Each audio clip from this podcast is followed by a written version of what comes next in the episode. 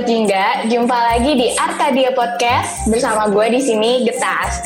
Buat Sobat Jingga, di mana pun kalian berada, gue harap kalian tetap tetap sehat ya, tetap happy dan enjoy, dan tetap setia dengerin podcastnya Arkadia. Karena nih, buat yang belum tahu, dengerin podcast tuh banyak banget manfaatnya.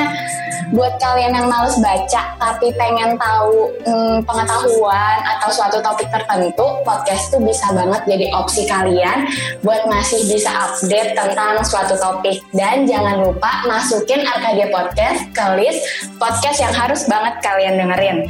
Nah, di podcast kali ini kita bakal bahas tentang sampah versus masyarakat. Apakah masyarakat ini berperang melawan serangan sampah atau gimana? Tentunya bakal kita bahas di podcast ini. Dan kebetulan banget nih, hari ini merupakan Hari Laut Sedunia. Jadi beriringan nih, pasti emang relate banget dan bisa banget kita bahas secara bersamaan. Dan kali ini juga gue nggak sendirian, pastinya karena di dunia ini emang gak ada yang bisa sendiri ya. Walaupun faktanya gue masih sendiri. Ya Allah, astagfirullah. Mendingan kita langsung aja kenalan nih. Jadi di sini udah ready banget narasumber. Ada tiga orang. Uh, yang satu kakak cantik, yang dua abang ganteng. Kita langsung kenalan aja nih ya. Yang pertama buat kak buat kakak yang cantik kenalan dong. Hai semuanya, kenalin nama gue Zetrik. Uh, biasa dipanggil Zetrik ya, kalau di komunitas Mapala. Nah, tapi nama asli gue adalah Zuraida Zain. Uh, di Arkadia, gue udah gue sebagai divisi diving dan gue baru banget lulus kuliah. Salam kenal semuanya. Oke, salam kenal Kak Jetrik. Selanjutnya, perkenalin dong di sini ada Bang Rudu. Silakan Bang, perkenalkan dirinya. Halo semuanya, nama kenalinnya nama gue Berudu uh, dari dan kebetulan gue juga baru lulus sama PSIJ. Itu aja sih. oh gitu ya, baru lulus jadi fresh graduate nih. Selanjutnya Bang yang satunya nih terakhir silakan langsung aja perkenalkan dirinya. Ya, halo Assalamualaikum. Perkenalkan nama gue Giri. Ya kebetulan sama lulus lulus. Kita doain biar Bang Giri segera lulus ya teman-teman. Amin. Amin, amin. Amin. Nah, uh, tadi kan udah singgung sedikit nih, kita bakal bahas sampah versus masyarakat.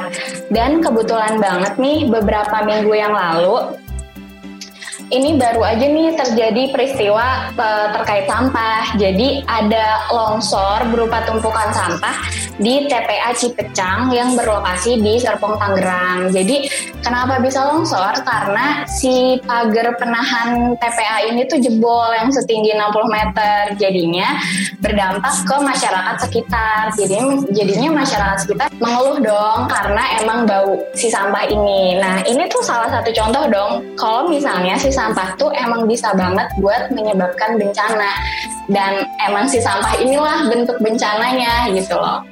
Nah, kira-kira nih menurut narasumber di sini uh, mau nanggepin gak sih perihal jebolnya TPA Cipecang?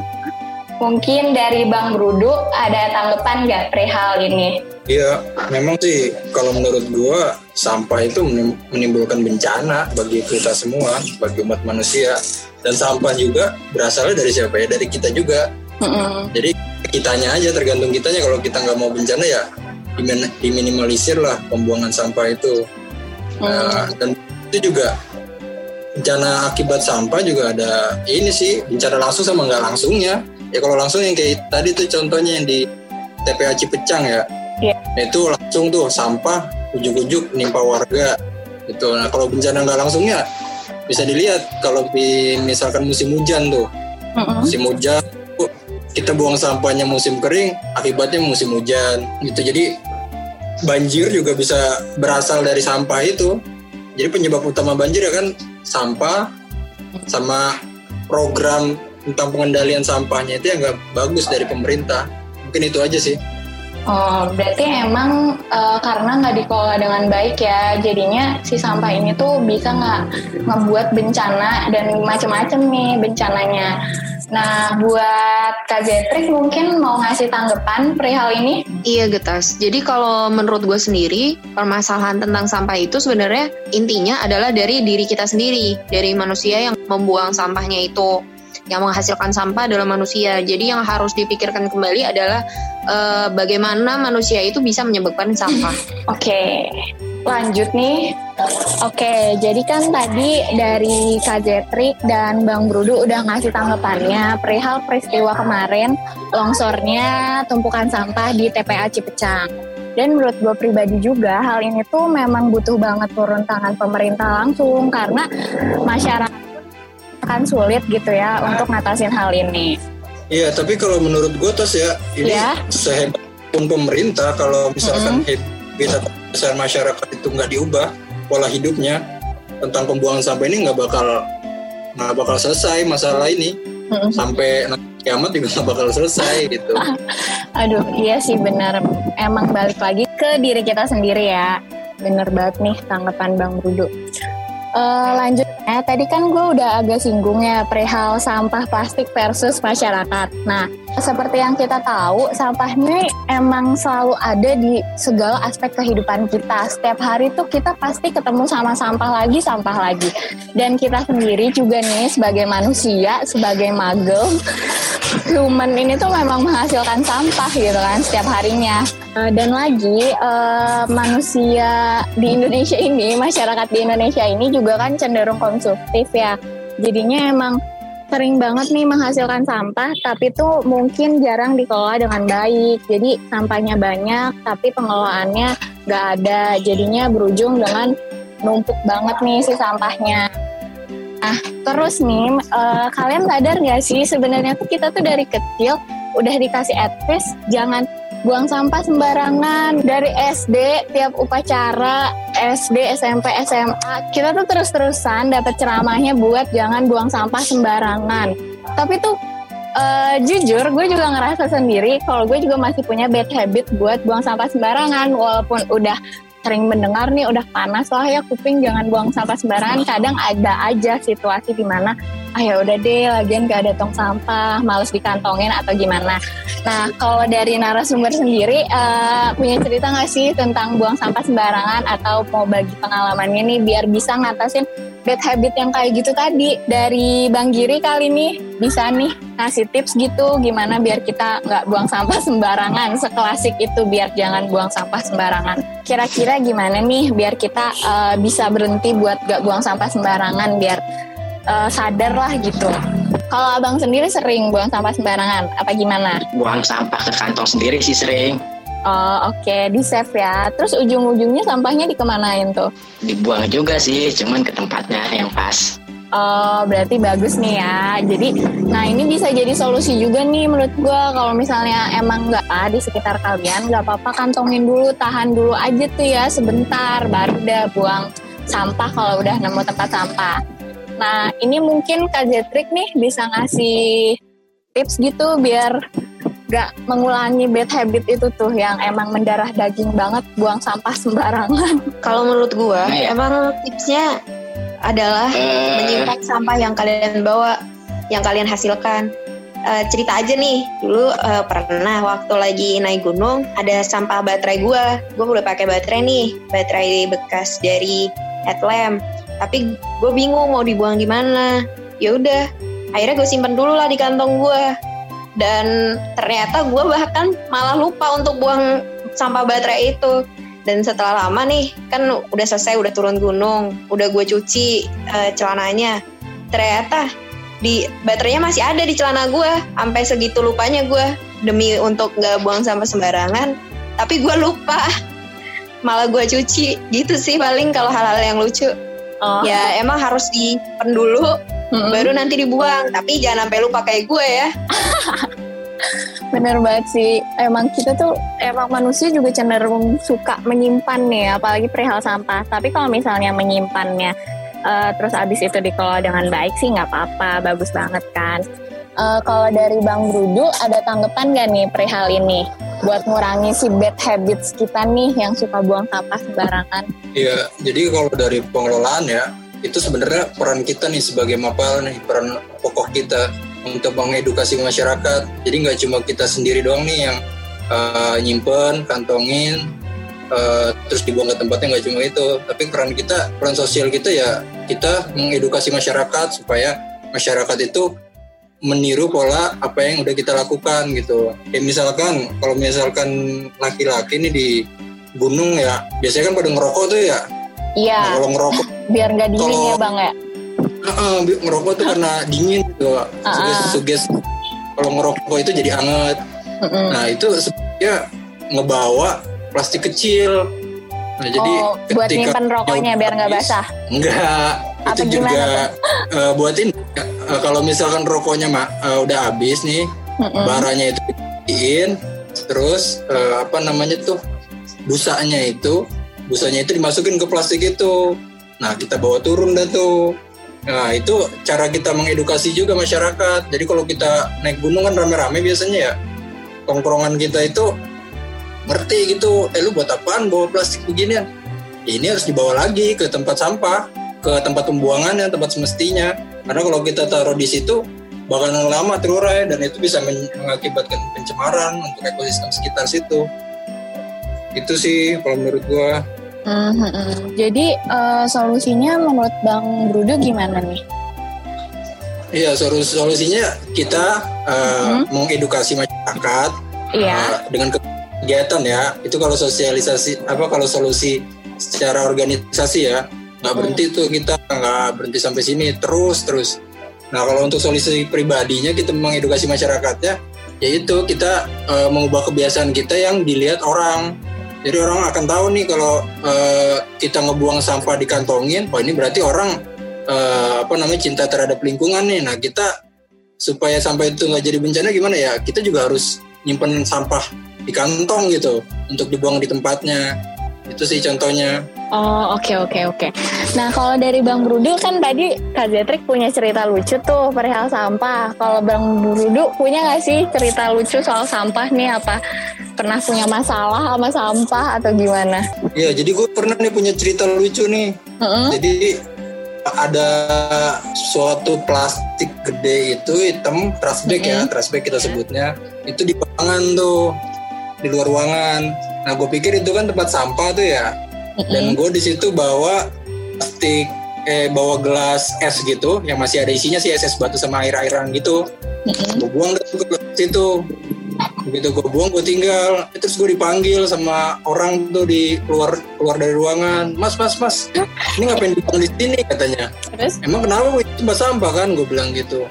Bukan ini makanan mau dibagiin di dalam. Tuh sisa-sisa esnya tuh Ya ampun. Ya, agak sedikit dingin sih, agak sedikit adem. Oh iya.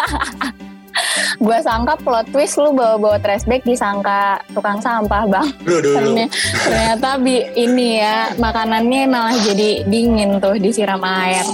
Iya adem yang tadinya ayam panas jadi kena air es adem tuh pada bener nih uh, oke okay deh lanjut nih ke pertanyaan selanjutnya. Kan uh, di kita nih ada beberapa pembagian tong sampah ya organik atau non organik nah menurut narasumber sendiri itu tuh efektif gak sih? Soalnya gue sendiri pernah lihat di di meme uh, pemisahan sampah gitu pas dibuka ternyata ujung-ujungnya sampahnya nyatu. Kayak cuman beda warna doang padahal itu satu tempat yang sama gitu Nah, menurut kalian efektif gak sih pembagian sampah kayak gitu? Mungkin dari Kak Zetrik bisa uh, menjawab pertanyaan ini. Kalau menurut gue sih atas ya, uh, sebenarnya antara efektif dan gak efektif. Karena pertama, sampah-sampah yeah. kayak gitu awalnya efektif nih.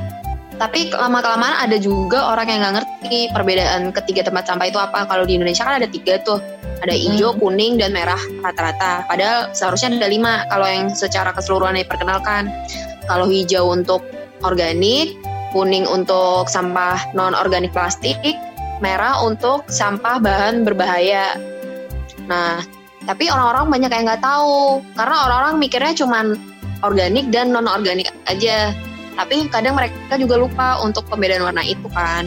Nah, jadinya malah nyampur semua dan akhirnya orang karena udah tahu itu nyampur, males untuk buang sampah sesuai dengan uh, kategorinya. Tapi kalau gue pribadi sendiri, alhamdulillah udah menerapkan itu. Tapi yang emang gue lihat di lapangan masih banyak masyarakat yang belum paham nih perbedaan warna merah kuning hijau itu apa. Jadi saran gue sih uh, emang harus bener-bener ketat untuk permasalahan uh, pemilahan sampah dari pemerintah sendiri. Oke, jadi mungkin kita tuh harus mengedukasi masyarakatnya dulu kali ya. Yang pertama, dulu nih si warna itu bedanya apa, baru deh bisa dilaksanain buat milah sampah bedanya apa. Nah, kalau dari Bang Brudu mau nanggepin gak nih? Perihal efektifkah dipisahin sampahnya atau Bang Brudu sendiri udah nerapin kah pemilahan sampah dari jenisnya? Iya, jadi kalau tadi gue nambahin ya sedikit untuk yeah. ada satu lagi sebut abu-abu. Abu-abu itu untuk sampah residu kayak styrofoam, sampah residu untuk kayak styrofoam, puntung dan lain-lain gitu.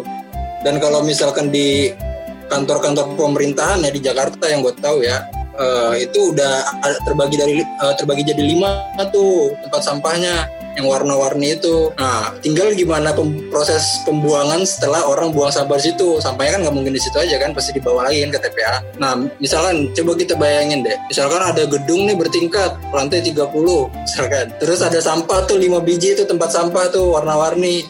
Nah, itu kalau misalkan cleaning service ya atau tukang yang bersihin sampahnya ngebawa satu sampah di satu lantai aja tuh dia bawa lima kantong plastik ya kan? Terus di, di lantai lainnya lima kantong plastik lagi karena kantong plastik yang pertama udah penuh. Nah, itu bakalan repot banget sih emang.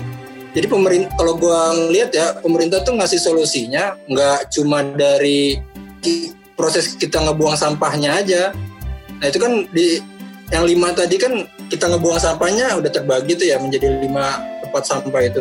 Tapi juga pemerintah harus mikirin juga tuh gimana cara yang lebih efektif untuk ngebawa sampah itu dari lantai ber, lantai sekian itu ke bawah dan di tempat sampah di mobil truknya juga dipisahkan. Supaya nantinya gampang kalau sampah organik itu. Misalkan ada pengusaha pupuk pupuk kompos. Jadi dia tinggal bayar aja ke pemerintah itu. Bayar uh, sampahnya itu di gain berapa. Tanpa perlu dipilah-pilah lagi tinggal dimasukin mesin pencacah dijadiin dah kompos. Itu kan lebih efisien lebih bisa menjual juga. Kalau misalkan yang sekarang kan juga jadi satu. Nah itu yang milihnya itu nanti di TPA yang milih yang orang-orang apa namanya yang orang-orang yang kerja dari sampah itu yang milihin. Gitu. Jadi saran gue pemerintah harus lebih tuntas lah kalau bikin apa namanya bikin peraturan gitu jangan setengah-setengah. Gitu tas. Hmm, okay, tas gue boleh nambahin nggak? Oh boleh banget kak. Kenapa tuh Iya sih bener kata Bang Brudu bilang kalau pemerintah itu cuman istilahnya menerapkan uh, membuat peraturan di awalnya aja bahkan di terakhirnya enggak. Karena yang sejauh yang gue lihat selama ini gue nggak pernah lihat truk sampah yang udah ada kayak pemisahnya sendiri gitu antara either itu sampah organik non organik sesuai dengan kelima sampah itu kan ada merah kuning hijau abu-abu dan biru. Malah gue nggak pernah lihat uh, truk sampah yang dibagi jadi lima Nah, jadi percuma kan kalau misalnya udah dibagi jadi lima saat pembuangannya, tapi di saat pengumpulannya nggak ada pemisahan. Padahal kalau misalnya dipisahinnya di TPS atau TPA, sampah itu kan udah e, istilahnya udah tercemari dengan sampah-sampah lainnya, malah jadi nggak bermanfaat. Kalau menurut gue sih gitu. Hmm, iya bener banget. Jadi jatuhnya juga kayak kontradiksi ya. Pas di tempat sampah dipisahin, tapi pas disatuin ujung-ujungnya nyampur juga. Dan apalagi kalau udah numpuk, udah jadi menggunung kan kalau dipisahin bakalan ribet banget kan. Jadinya ya kurang berguna juga, bener banget sih. Kalau dari Bang Giri, mau ngasih tanggapan nggak perihal ini? Udah mantep itu. Terima kasih Bang uh, atas tanggapannya. Terima kasih atas kata mantapnya. Nah, tadi kan kita udah banyak banget singgung perihal sampah dan sedikit e, cara buat ngelolanya mulai dari tadi udah singgung solusi bahkan sampai pemerintah dan lain-lain. Terus belakangan ini udah lumayan lama juga sih kita tentunya e, kalian beberapa juga udah tahu perihal e, gaya hidup zero waste di mana minim sampah benar-benar ngehasilin sedikit sampah bahkan zero makanya zero waste. Nah dari Kak Zetrik nih, apalagi kan pernah ikut kelas Zero Waste, uh, kasih tanggapan dong perihal ini atau gimana ya caranya kita memulai gaya hidup Zero Waste ini? Oke, Getas. Jadi uh, kalau misalnya zero waste trend ini sebenarnya bukan tren ya. Kita kembali ke nature kita karena uh, dahulu orang tua kita bahkan nggak menghasilkan sampah plastik dan lain-lain dan semuanya kembali di kompos kan. Nah, zero waste ini sebenarnya juga mendukung uh, gerakan pemerintah. Jadi di tahun 2020 awal itu uh, pemerintah Indonesia menyatakan uh, komitmennya untuk uh, bebas dari polusi plastik pada tahun 2040 di World Economic Forum. Nah, bagaimana sih cara pemerintah Indonesia itu untuk mengatasi atau uh, memberikan komitmen terhadap bebas polusi sampah plastik pada 2040 itu dengan menerapkan ekonomi sirkular. Nah, apa sih yang dimaksud dengan ekonomi sirkular itu? Ekonomi sirkular itu adalah alternatif dari ekonomi linear biasa. Apa sih ekonomi linear?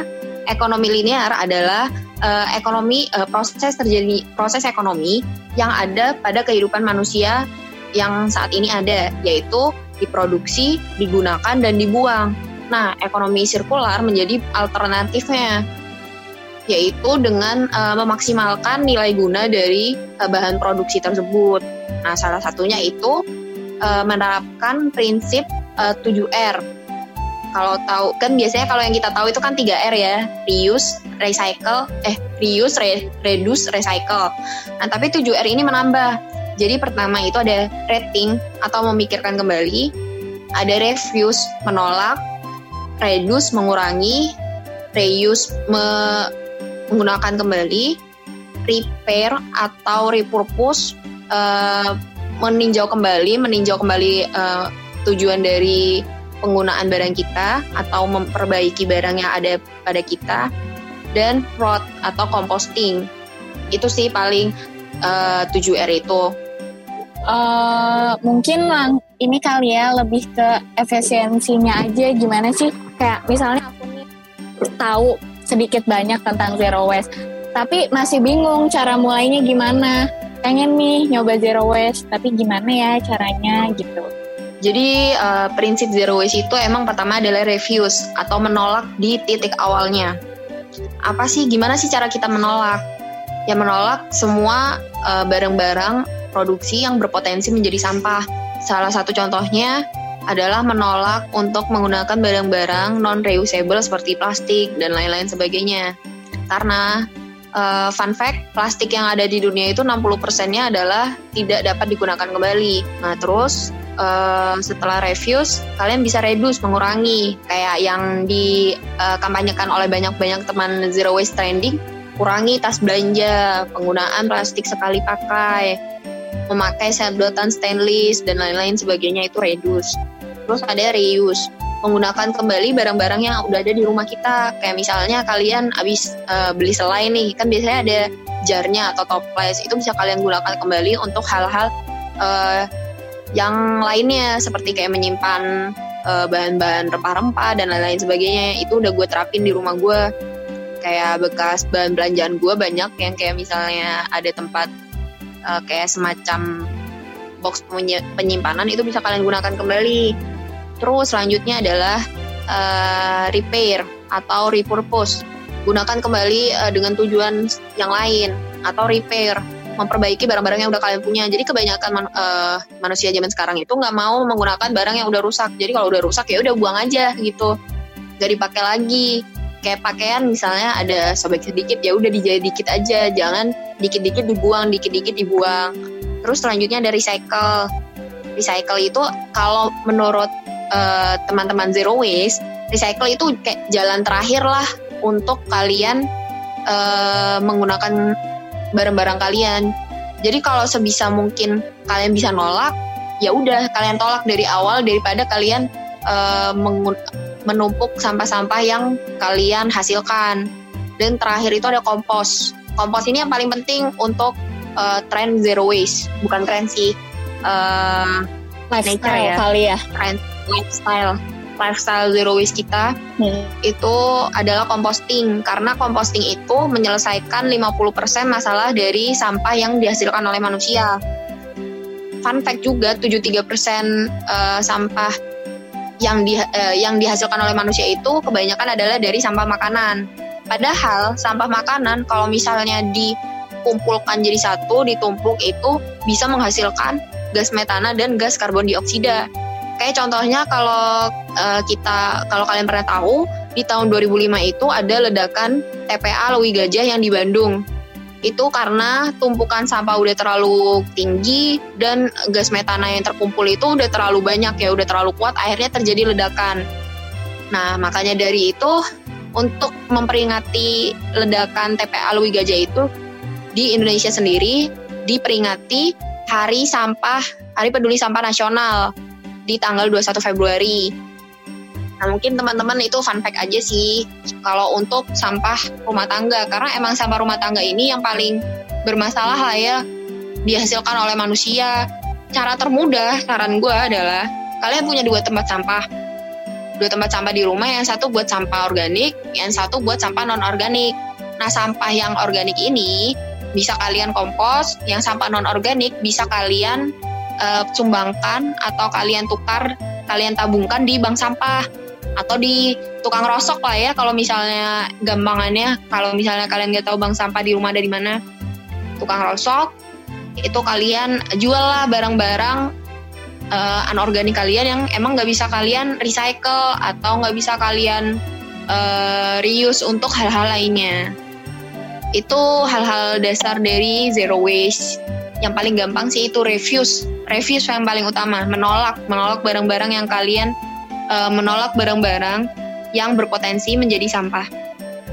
Paling itu getas untuk prinsip-prinsip uh, dasar dari zero waste.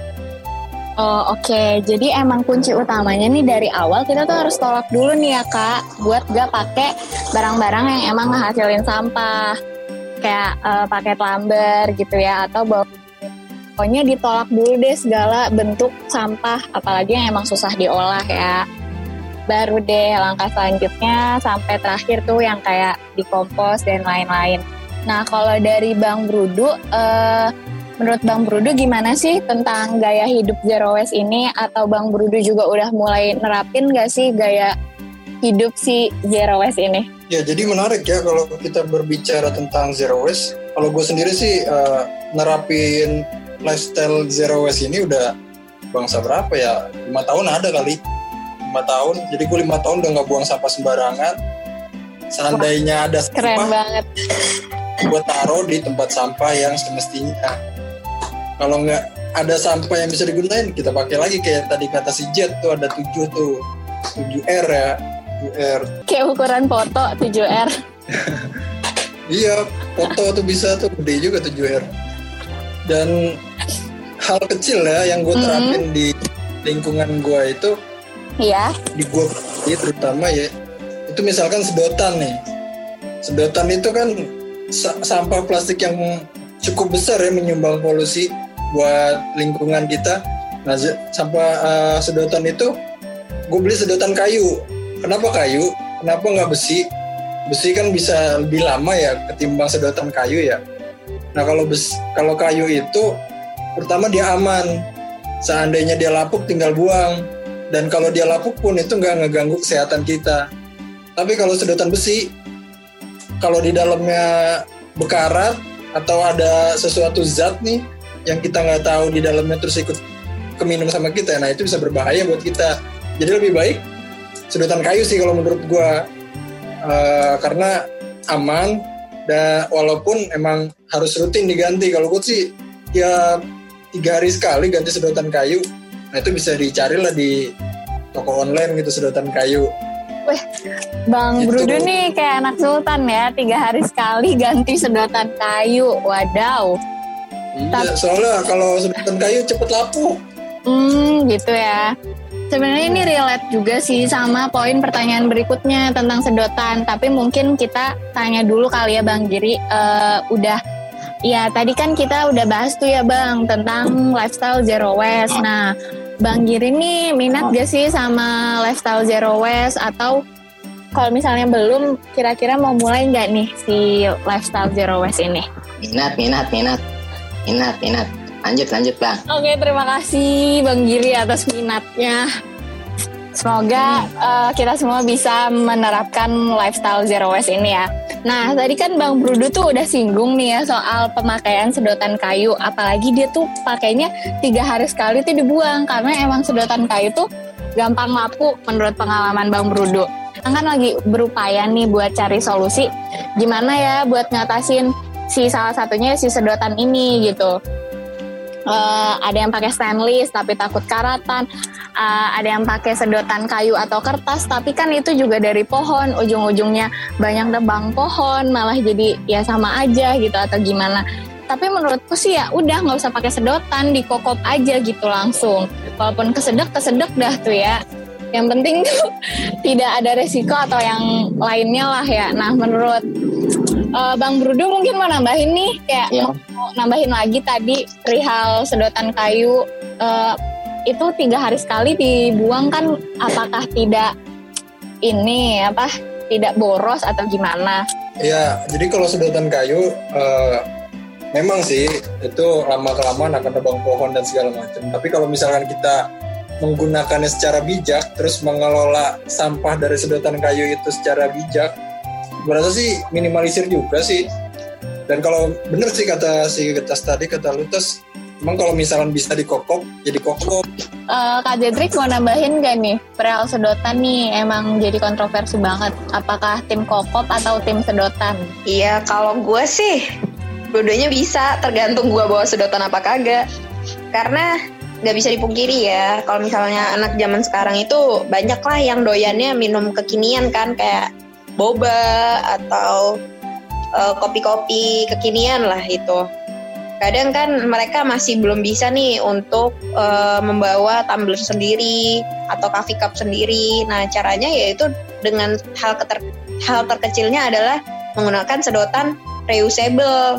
Nah, tapi untuk antara stainless atau bambu atau kaca yang mana yang paling baik menurut gua itu stainless sih. Ya, kalau gue ya pribadi ya masih pakainya sedotan kayu sih yang dari bambu itu. Mm-hmm. Nah, kenapa itu? Ikut takut aja gitu. Soalnya gue belum pernah ngeliat sih penelitian tentang apa namanya sedotan stainless itu aman atau tidak ber, tidak berbahaya bagi tubuh tapi gue lebih ke back to nature sih jadi gue hmm, iya iya benar alam nah fungsi sedotan penting juga sih kalau menurut gue biar nggak kesedek ya itu iya itu salah satunya benar kata J tadi kalau misalkan minuman kayak boba tadi kan tuh berpotensi di dasar nah kalau kita kokok airnya habis bulutan-bulutannya nyisa. eh bu, itu bukan sih. Bener. Bener kan ya? Iya bu, iya boba aja bang sebutnya bulat. Iya boba yang ada bulutannya itu kan ya? Iya iya. Kayak cendol, cuma iya, dia kan bentuknya kan... bulat-bulat gitu. Iya iya. Mm -hmm. ya, kalau, misalkan kita, kalau misalkan kita minum boba gitu, kalau kita nggak pakai sedotan, itu airnya habis, tapi bobanya masih nyisa di dasar dan iya. itu, itu kalau kita kokop-kokop buang ke mulut kadang suka nggak jatuh walaupun kita udah angkat gelas ya nempel tuh iya benar-benar nempel iya pengalaman banget nih jadi kalau misalkan kita minum kayak kopi teh ya nggak perlu lah pakai sedotan. Iya, tapi kalau iya. minuman ini isinya di bawah itu. Ada cendol-cendolnya uh, gitu lah ya. Uh, uh, ada cendol dawetnya. Enaknya pakai sedotan. Oke. Okay.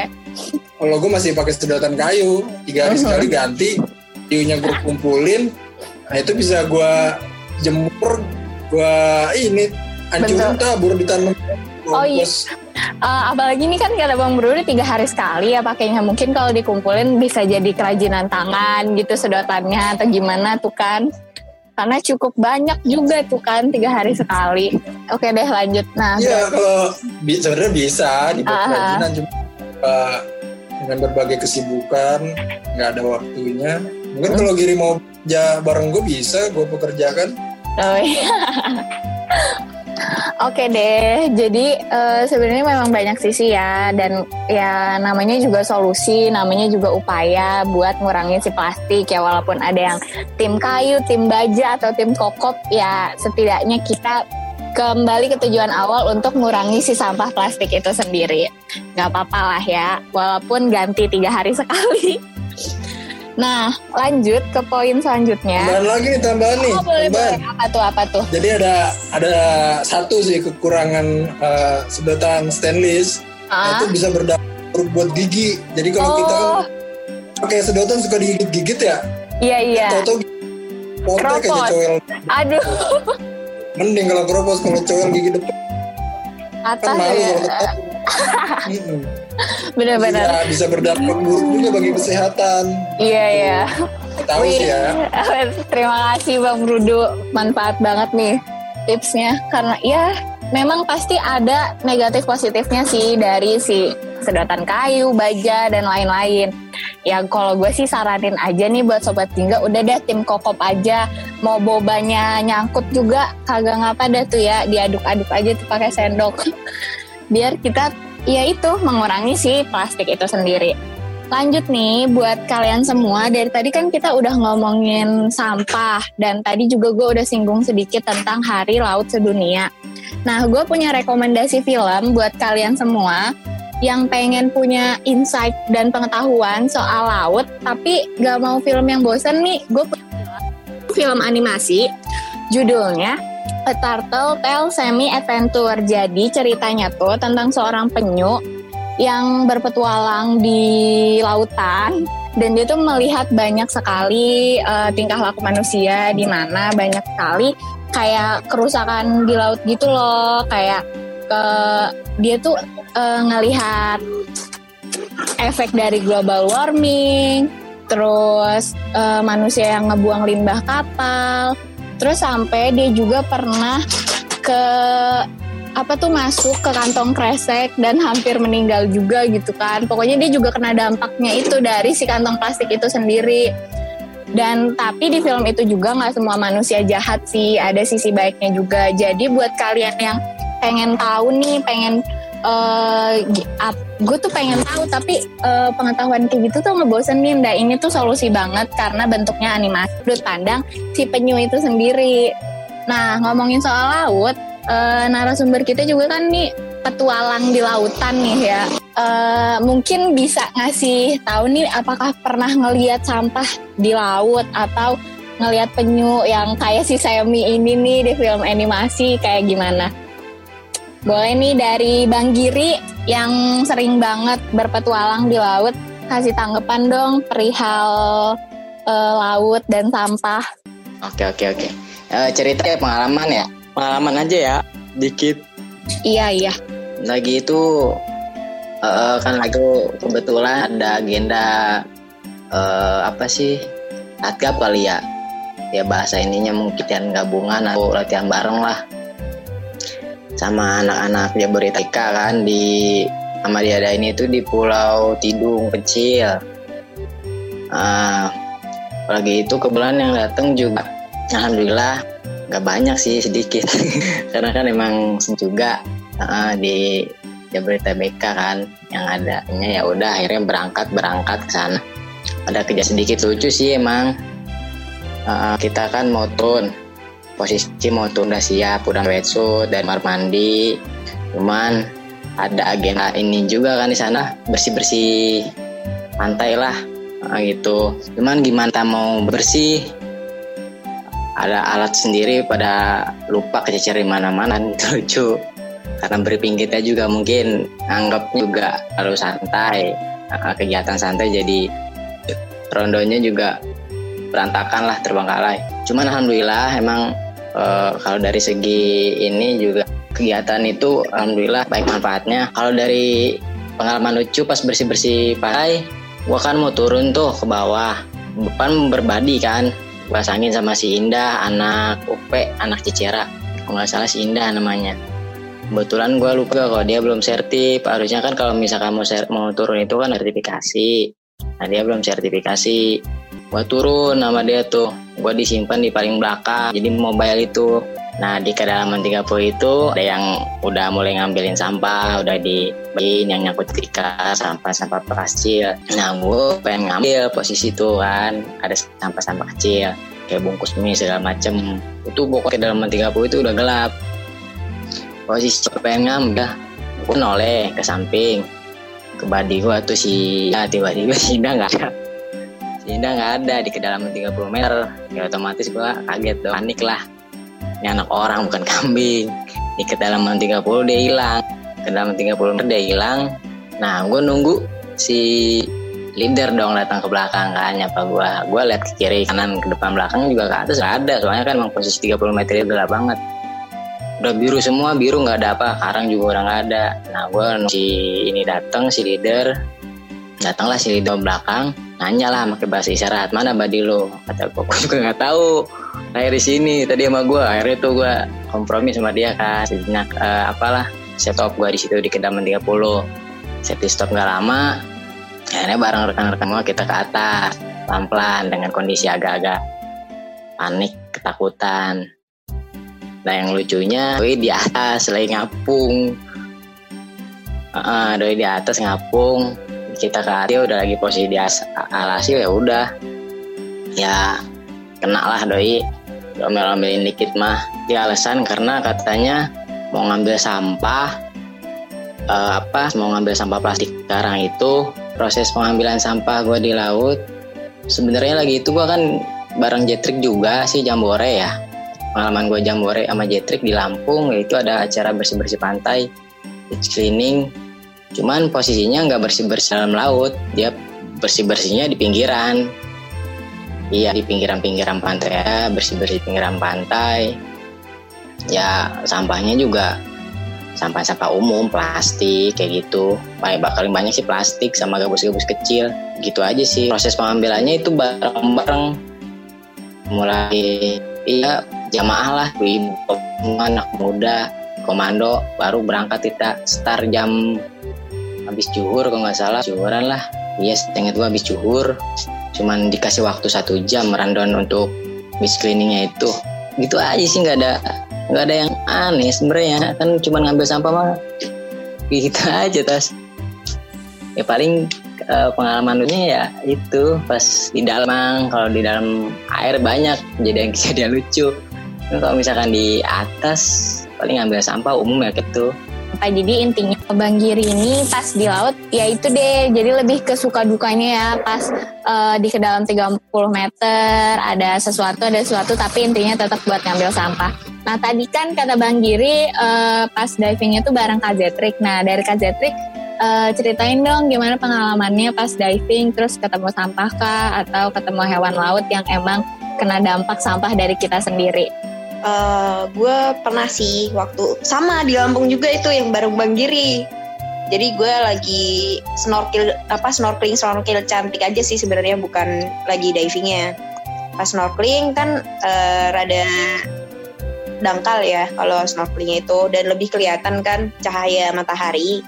Nah di situ gue nemu banyak sampah lah. Bahkan ada sampah mie Indomie yang bungkusnya tahun 2000 itu kan udah lama banget ya. Ya sama kayak sampah-sampah yang viral itu kalau kalian sering lihat sampah-sampah yang ditemukan di pantai atau di lautan itu emang terjadi secara benar gitu loh. Maksudnya banyak produk-produk rumahan yang kita temukan masih ada juga di lautan. Gak bakal hilang sampah-sampah yang kita temukan itu. Terus yang paling gue sedih itu uh, di karang ya waktu gue lagi nyelam di karang lautan itu ditemukan juga kayak apa ya kayak uh, semacam karung karung beras gitu. Itu udah nempel di karangnya dan pas mau gue ambil ternyata dia itu udah bertumbuh bareng karangnya gitu loh. Jadi kayak udah menyatu sama badan karangnya.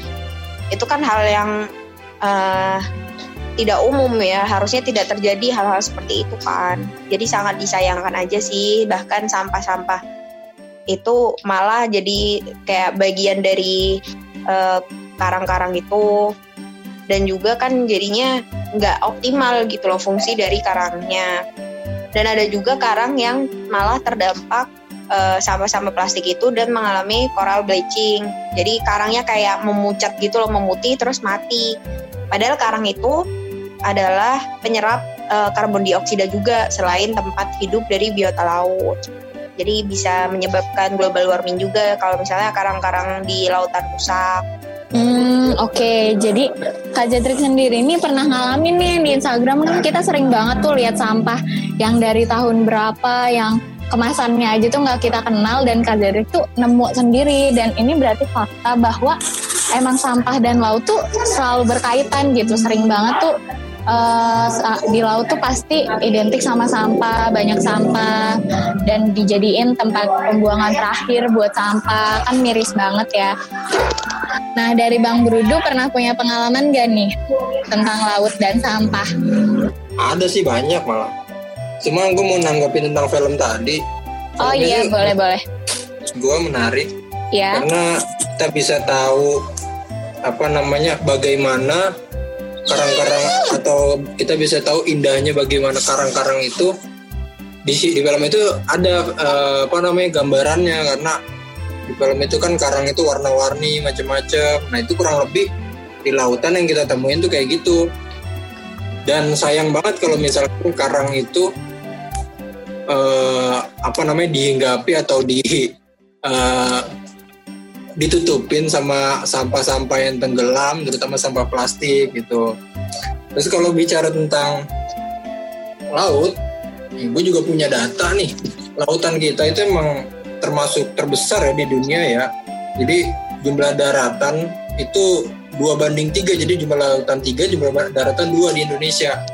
Dan potensi uh, dan potensi kelautan kita dunia bahari itu sangat besar gitu mulai dari pangan dari wisata wisata yang ini ya terutama wisata yang uh, memegang uh, apa namanya prinsip konservasi uh, kita uh, penghasil ikan juga terbanyak itu dari lautan.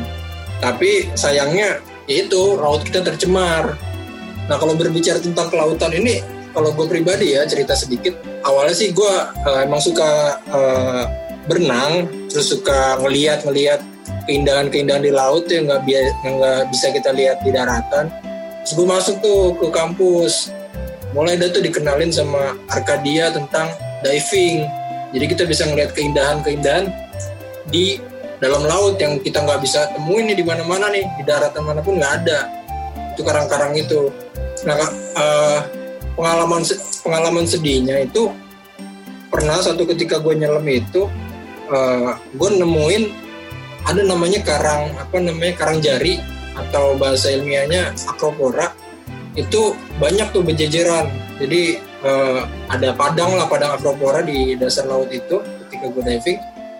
Nah di satu sisi gue di satu sudut gue ngeliat tuh ada bayangin uh, pembalut pembalut wanita nempel gitu berkibar di karang jari itu. Jadi karangnya bentuk jari ada pembalut tuh nempel di ujung jarinya tuh jadi berkibar di situ.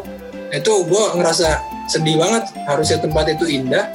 Tapi kenapa bisa pembalut wanita itu sampai nyangkut di karang di dasar laut yang sekitarnya itu indah tapi ada satu sampah itu yang bikin jadi miris kayak indahnya jadi hilang. Jadi kita sedih yang ada. Bukan uh, pengennya senang-senang pengen yang lihat keindahan alam tapi ada satu uh, satu itu yang nyebabin ya udahlah kita pulang lagi karena uh, dengan membawa ini sedihan gitu jadi kita nggak nggak seneng seneng banget gitu pas diving gitu Hmm, iya sih betul kata Bang Brudu.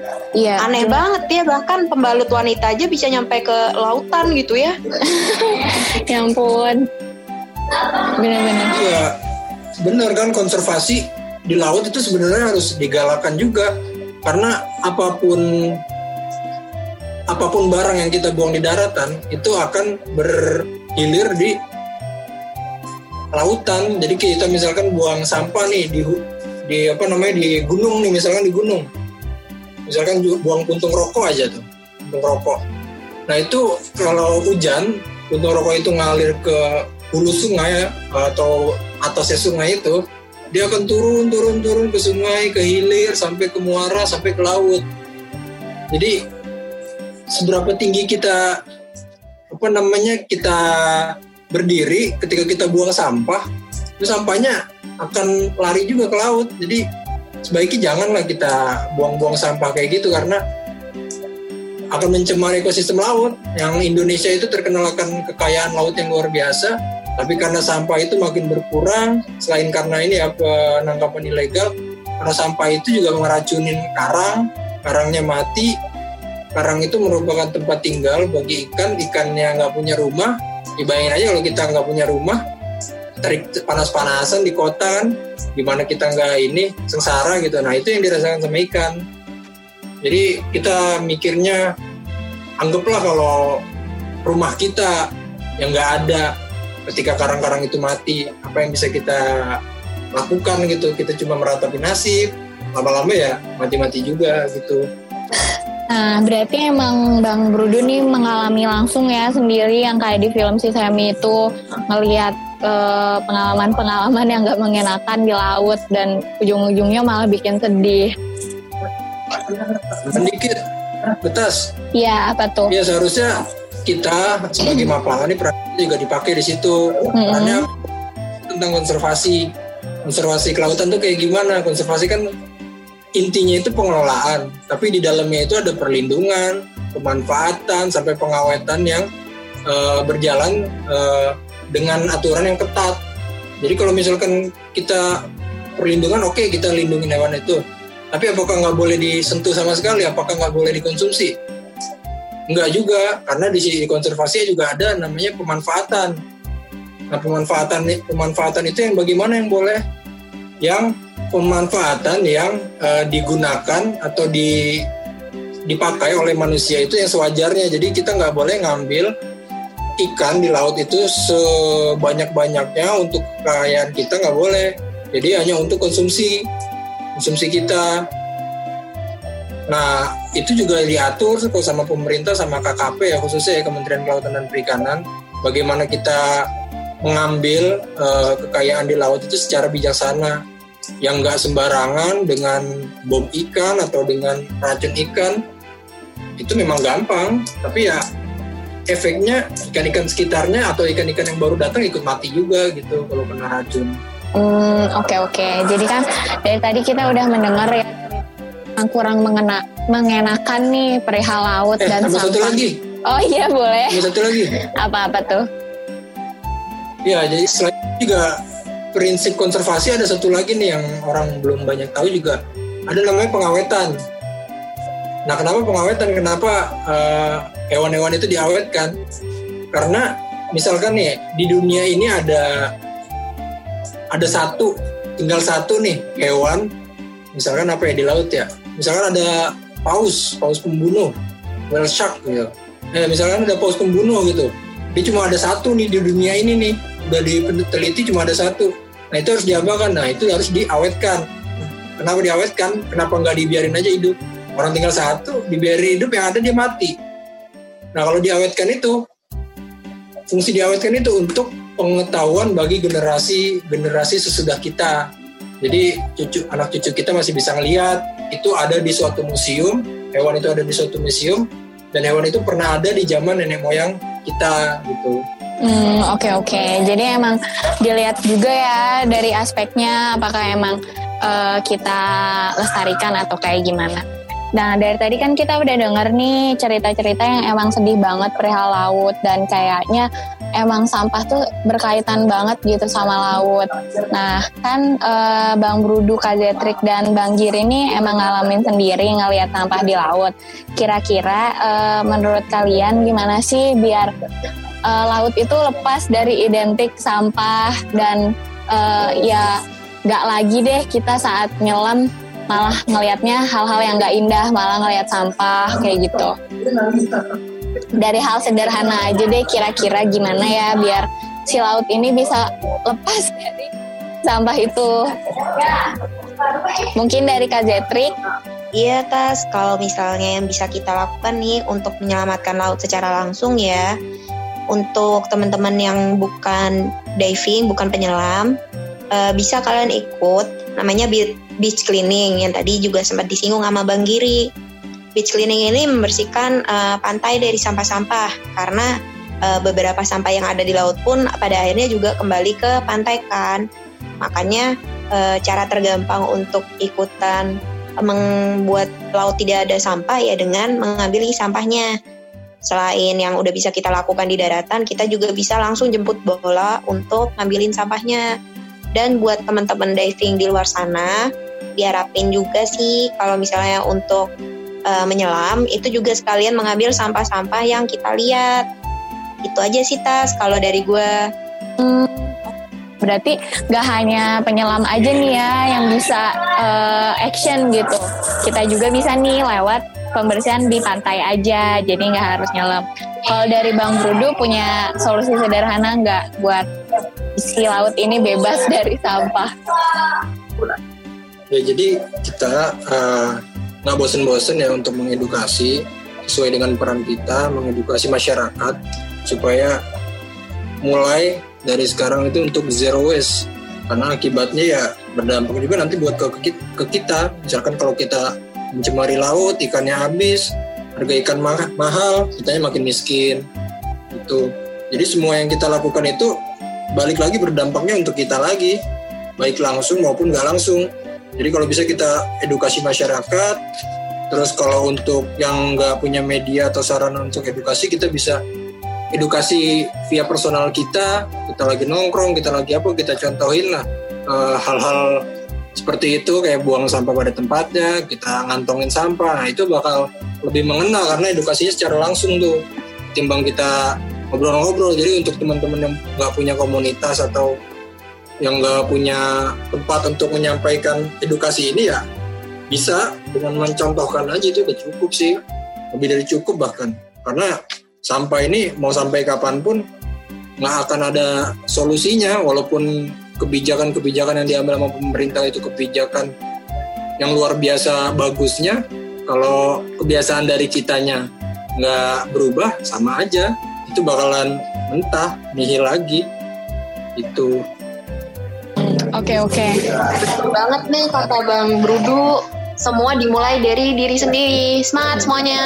Uh, masukan terkait solusi ya laut bebas dari sampah itu menurut saran aneh sih itu pertama itu kalau edukasi itu udah terlalu lumrah ya udah terlalu familiar dan untuk kesadaran itu memang sulit untuk masyarakat.